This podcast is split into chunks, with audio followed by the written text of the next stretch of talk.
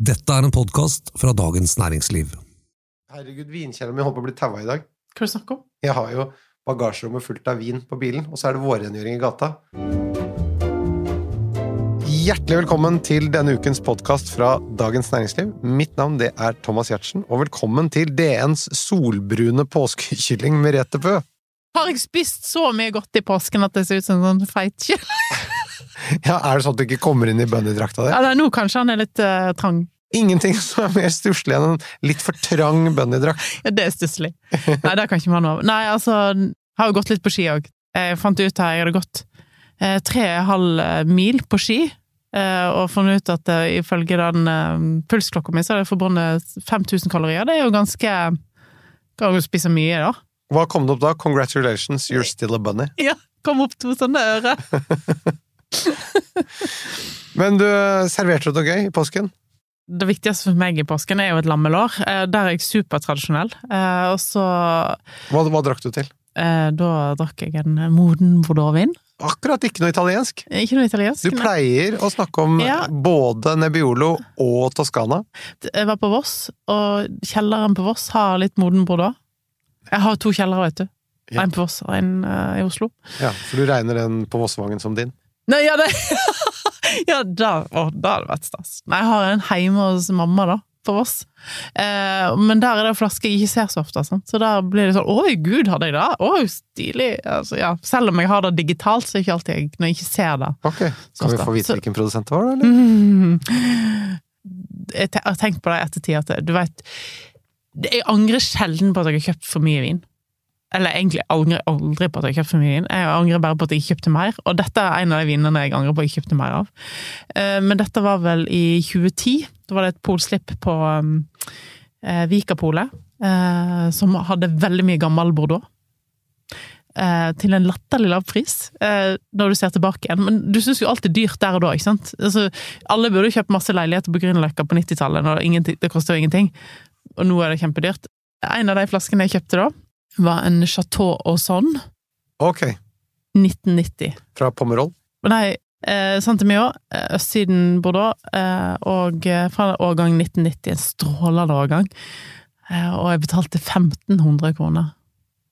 Som jeg følte var masse penger da, men jeg kjøpte, og jeg kjøpte bare én. Jeg husker ikke om det var fordi jeg ikke fikk lov å kjøpe mer, eller om det var fordi økonomien begrensa meg, men eh, eh, Og den har ligget der og blomstra i så mange år, og nå tok jeg den i påsken. Men Men det er jo et av de virkelig kjente slottene på østsiden. Ja, og den hva koster jo sånn i dag? Det er jo 15 000 for ei flaske, liksom.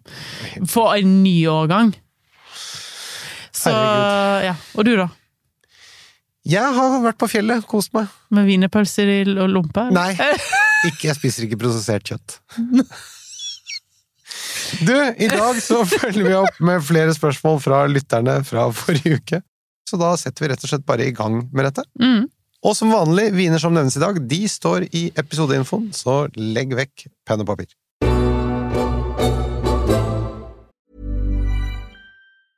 There's never been a faster or easier way to start your weight loss journey than with PlushCare. PlushCare accepts most insurance plans and gives you online access to board-certified physicians who can prescribe FDA-approved weight loss medications like Wigovi and Zepbound for those who qualify. Take charge of your health and speak with a board-certified physician about a weight loss plan that's right for you. Get started today at plushcare.com slash weight loss. That's plushcare.com slash weight loss. plushcare.com slash weight loss.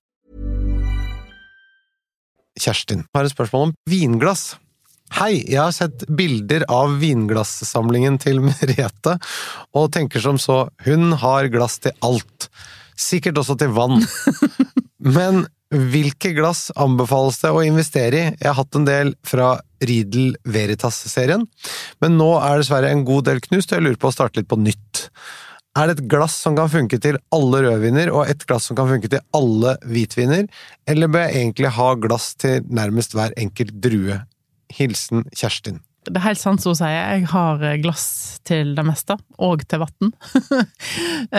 Men eh, dette kommer litt an på hva du drikker mest av. Jeg pleier alltid å si at du trenger ikke et eneste vinglass til hver eneste type druetype som finnes i verden, for da har du eh, mye penger å bruke, og du trenger å fylle mye plass i huset ditt. Men Hvis du eksempel drikker veldig mye champagne, så ville jeg kjøpt et virkelig godt champagneglass.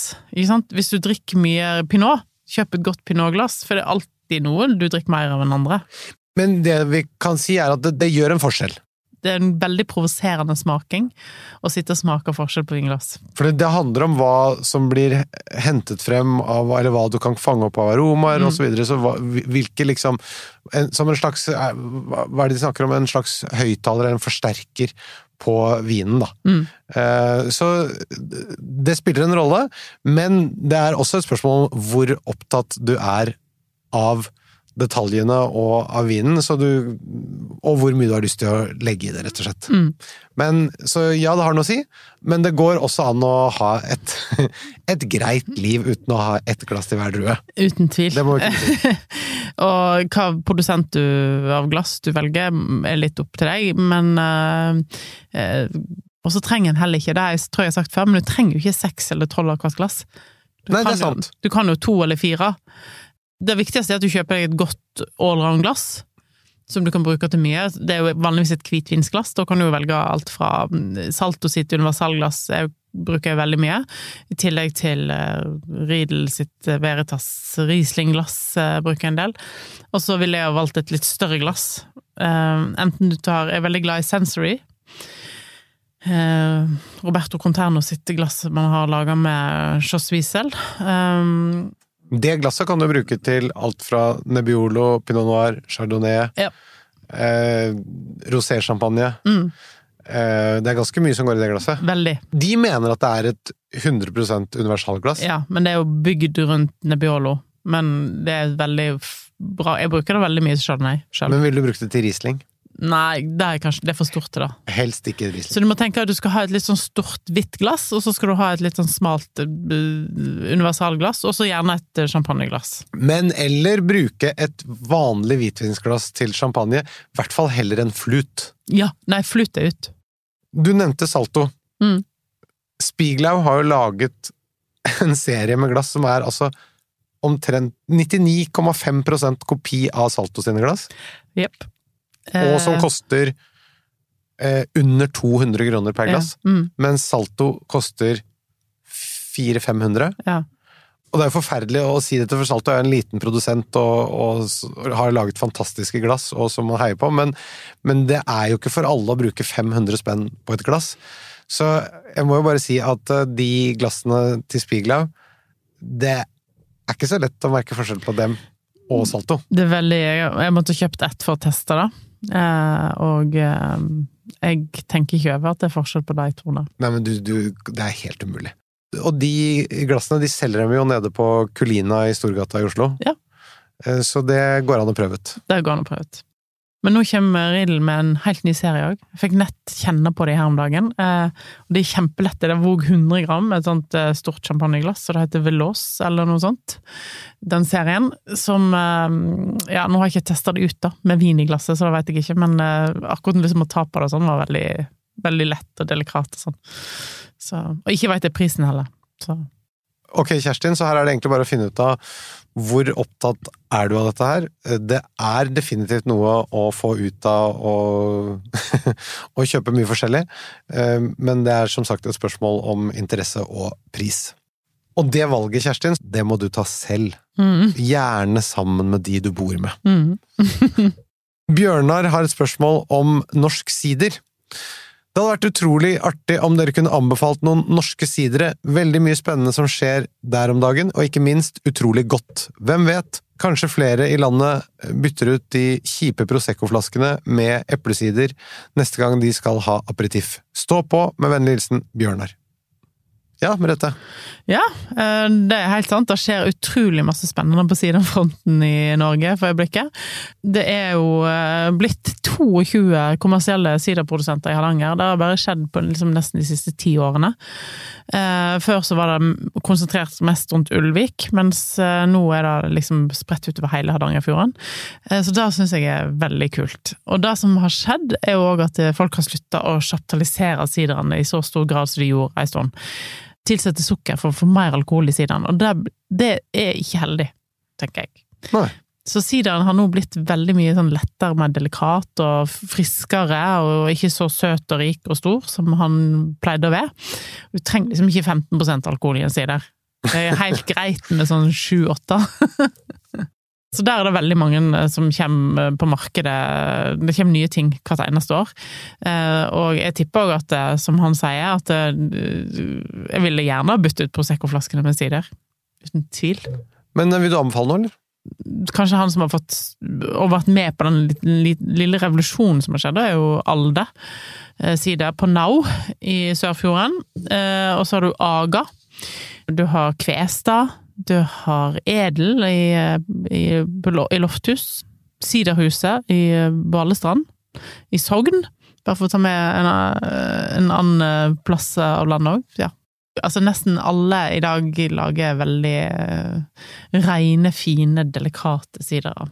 Jeg har jo latt min elsk på en som heter Brudeferd òg, som er tilsatt litt bær i. Med kjempe Oi, det hørtes digg ut. Ja, veldig Den smaker liksom norsk sommer. Da er det Alexander som har et spørsmål om priser på polet. Hei! Det hender jeg kommer over det som tilsynelatende er helt like flasker til forskjellig pris.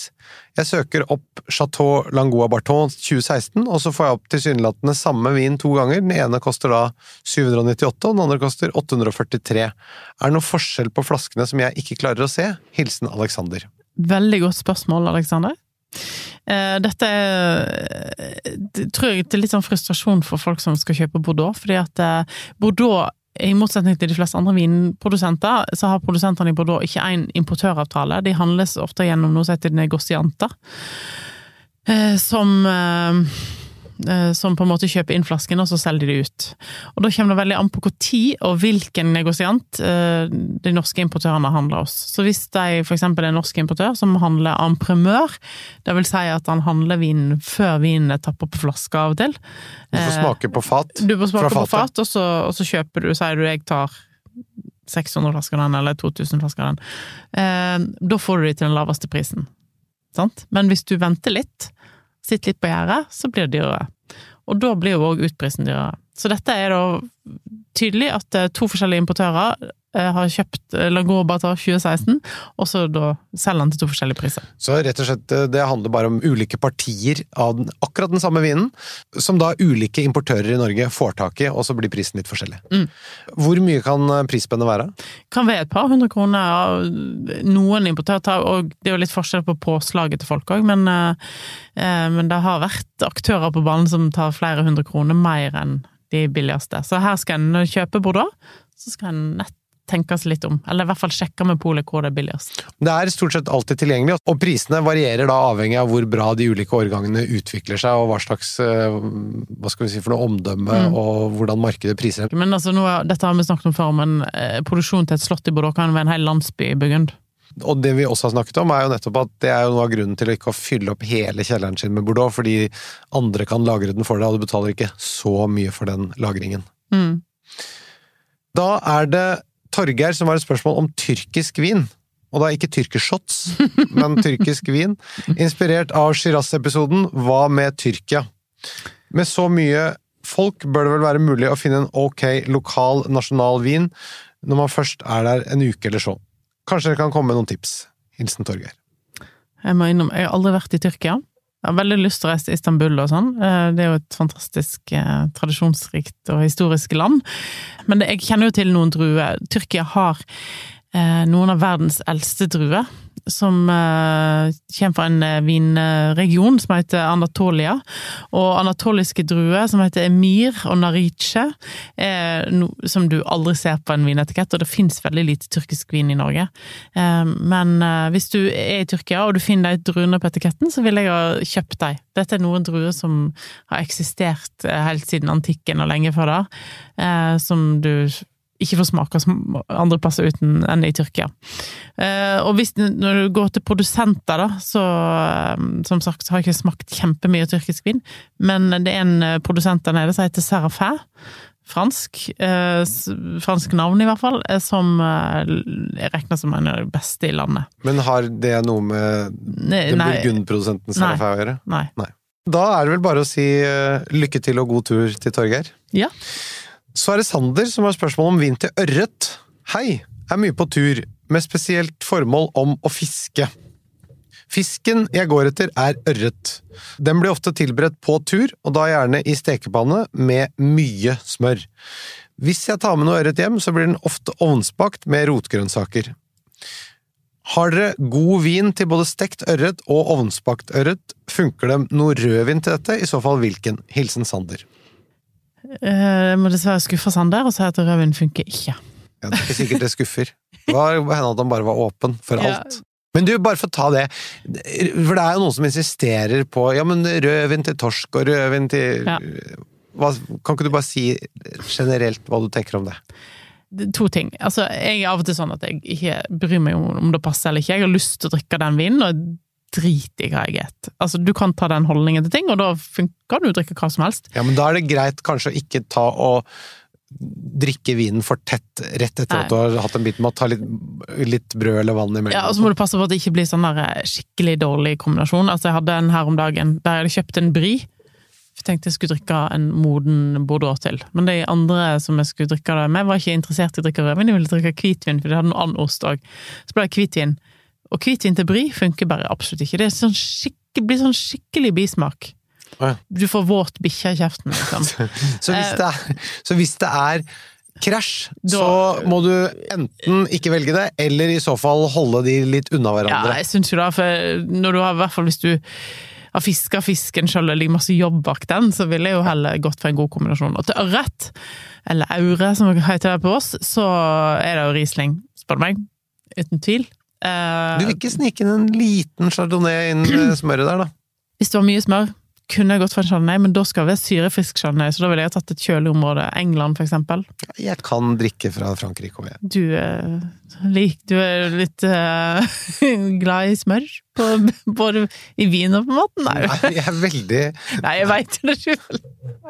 Men jeg, er, jeg syns jo bare det er så digg med hvitvin fra Burgund. Og det er jo ingen som misliker det. Nei da, men jeg må, må bare si at jeg, jeg får ned ørret og hvit burgund. Ja, selvfølgelig. Det er jo ikke jeg krasj da heller. Men eh, ørret er jo en ganske feit fisk, som eh, kan gå, ha godt av litt eh, syrefriskhet, så jeg kanskje ikke ville tatt den kraftigste burgunderen eller mest eikelageret, eller for den varmeste årgangen ville tatt en eh, 17-årgang foran en Eller 19-årgang foran en 18-årgang og sånn. Eller tatt uh, Simpsons sine um, chardonnayer fra England. Eller en tysk tørr Riesling. eh, Som da eksempel på en produsent. Eh, for eksempel eh, når du har fiska fisken sjøl, kunne du gått på en GG. Eh, in Pitterberg fra Krugerump, for eksempel. Ikke verdens dyreste GG heller. Nei, den koster 300, litt over 300 kroner, og et strålende godt GG-kjøp. GG koster jo opp i 600-700, egentlig, så ja. Ok, Sander. Da er det bare å kose seg. Petter er bekymret for lagringsforhold i polbutikkene. Hei, Merete og Thomas. Det er en ting jeg lurer på. Vin med kork har jeg hørt skal lagres liggende, men hvorfor står alle flaskene på Vinmonopolet? Blir vinen forringet av å stå i hyllene på Vinmonopolet? Petter. Ja, det er et godt spørsmål òg. Han blir jo det, hvis han står der lenge nok. Jeg tror nok omløpshastigheten eh, på Vinmonopolet er såpass stort at eh, det ikke blir forringa. Men dette har jo vært et problem tidligere. Hvis du ser nå, når du går inn på Vinmonopolet, så eh, er jo de fleste går rundt med liksom fleecevest og sånn, de som jobber der. For dette, det, er altså, Ikke fleecevest. Mm. Det er fleecejakke. Fleecejakke! Fordi man er nødt til å tenke praktisk. Mm. Fordi det som da er ditt poeng. Vær så god. Det er blitt litt kaldere der inne. Og, men det, det var jo et pol, husker jeg var legendarisk, jeg husker ikke hvilken, det lå i Rosenkransgaten eller noe sånt, som hadde en sånn der eh, atrium med sånn overlys. Ja. Som sto, stod, stol sto rett ned på alle hyllene om sommeren, og det var lite omløpshastighet i Oslo sentrum om sommeren. Eh, og der hester det seg at du ikke skulle gå og kjøpe vin eh, i august, for å si det sånn. Det skjønner jeg. Men eh, så, nei, det er helt rett at alle flasker skal lagres liggende, og at de, kan, de blir forringet av å stå lenge i hyllene på polet, men det gjør de jo så å si aldri. Så Nei, og litt tåler de vel. litt tåler de. Og dessuten, det med skrukork er jo ikke noe problem. Nei. Og så er det jo liksom logistikken på polet er jo at det, hvis det, de skal jo stå i de hyllene. Du klarer jo ikke å legge de i de hyllene de har, så ja. Men det skal sies at en del viner ligger jo på polet også. De har jo mye liggende, stående i sånne øyer med sånne kasser som Ja, jo, selvfølgelig. selvfølgelig. Ja. Ja, selvfølgelig. De er jo kompetente, og de vet hva de driver med. Dette tror jeg de har greit med kontroll på. Må kunne si. Ja. Vi går videre til Kristoffer, som har et spørsmål om sure franskmenn. Hei! Jeg har lurt på hvordan det vil være å sitte på en restaurant i Frankrike og bestille en vin fra Spania, eller motsatt. Er det innafor, eller får man stygge blikk etter seg? Er ikke franskmenn spesielt sure her? Vil det være forskjell på å sitte i Paris og bestille en flaske cava? Er det forskjell på å gjøre dette i Spania eller Italia? Kristoffer, hva sier du, Merete? Det er jo ikke lett å få tak i en cava i Paris, tror jeg. jeg tror de fleste har champagne og ikke cava. Men, uh, mens champagne derimot får du stort sett over hele verden. Men hvis du, Um, sier, hvis du er i Paris og, og de tilbyr deg champagne, og du sier no thank you, I prefer Prosecco, Da får du nok stygge blikk. det kan hende. Eh, mye fordi at det er franskmenn, og franskmenn sin måte å håndtere det på. Eh, de er jo litt sånn, kan være litt sånn sure i Paris. Det må absolutt kunne sies. Hva tenker du generelt? At Nei, jeg tenker generelt at det, det At det, det kan vel eh, for servicen sin del hyggeligere å bestille en flaske cava i Spania og champagne i, i, eh, Frankrike. Og Prosecco i Italia. Men samtidig så har jeg sittet på veldig mange restauranter. Sånn, hvis jeg mm, er i Burgund, for eksempel, så hender det ofte at jeg drikker mest vin fra Rån. For at alle andre drikker vin fra Burgund, så kan du finne fantastiske gode kjøp fra Rån. Men det er jo to nabodistrikter, tross alt. Ja, det er liksom samme, Ja. men det er jo litt sånn eh, Hva skal vi si for noe? Du er litt glad i å gå på tvers hvis du absolutt skal ha noe fra et annet land, når de tross alt har god kvalitet der du er. Ja. Ok, så er det Gutt36 som har et spørsmål om god pairing. Hei, Merete. Jeg skal arrangere treårsdag for min datter, Oi. og trenger noe godt til de voksne. Bra. Ehm, jeg er glad i både champagne og dimsum, og leste på internett at de ofte serveres sammen. Jeg forstår at kanskje Riesling vil passe best, men det er jo så digg med champagne. Mm. Ville du også anbefalt champagne til dimsum? I så fall, hvilke karakteristikker i champagnen og i dumplingsene burde vi, stå, eh, burde vi sikte på for å få en god match? Hilsen gutt36 Sankthanshaugen. Ja, og da er det vel bare for meg å overlate ordet til jente eller mademoiselle 45. Jeg er veldig sånn på Riesling til dimsum, men hvis du absolutt skal ha champagne, så ville jeg ha tatt en blande noir, um, som har litt sånn der eh, bløt, sødmefull, rød eplefrukt. Ja, hvilken produsent? Um, klarer ikke å komme på noe. Gå ned med det vil. Bare for å ta det. Gå ned med det vil, Ja. for eksempel. Som jeg har eh, Vi er veldig glad i begge to. Eh, En god produsent. Fins på veldig mange pol og koster ikke skjorta sånn 350 kroner. Eh, Et godt valg, tenker jeg. Men så kunne det òg vært litt morsomt, som en sammenligning, da. Så ville jeg kanskje teste ut en sekt på Riesling. Ja, altså en musserende En musserende Riesling. Og da ville jeg hatt en litt sånn syrefrisk en. Eh, En som heter Lorelei. Lorelei, tror jeg du har nevnt før. Ja, men han er kjempekul.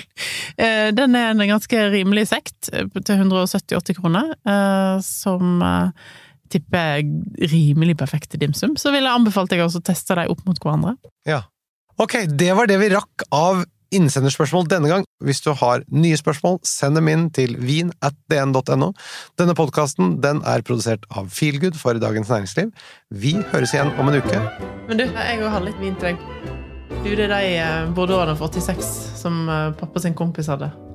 Herregud, men hvorfor, hvorfor skulle han ikke ha det? Jeg tror han har nok. Ok. Må bare si fra hvis han har noe penger til overs så Ja.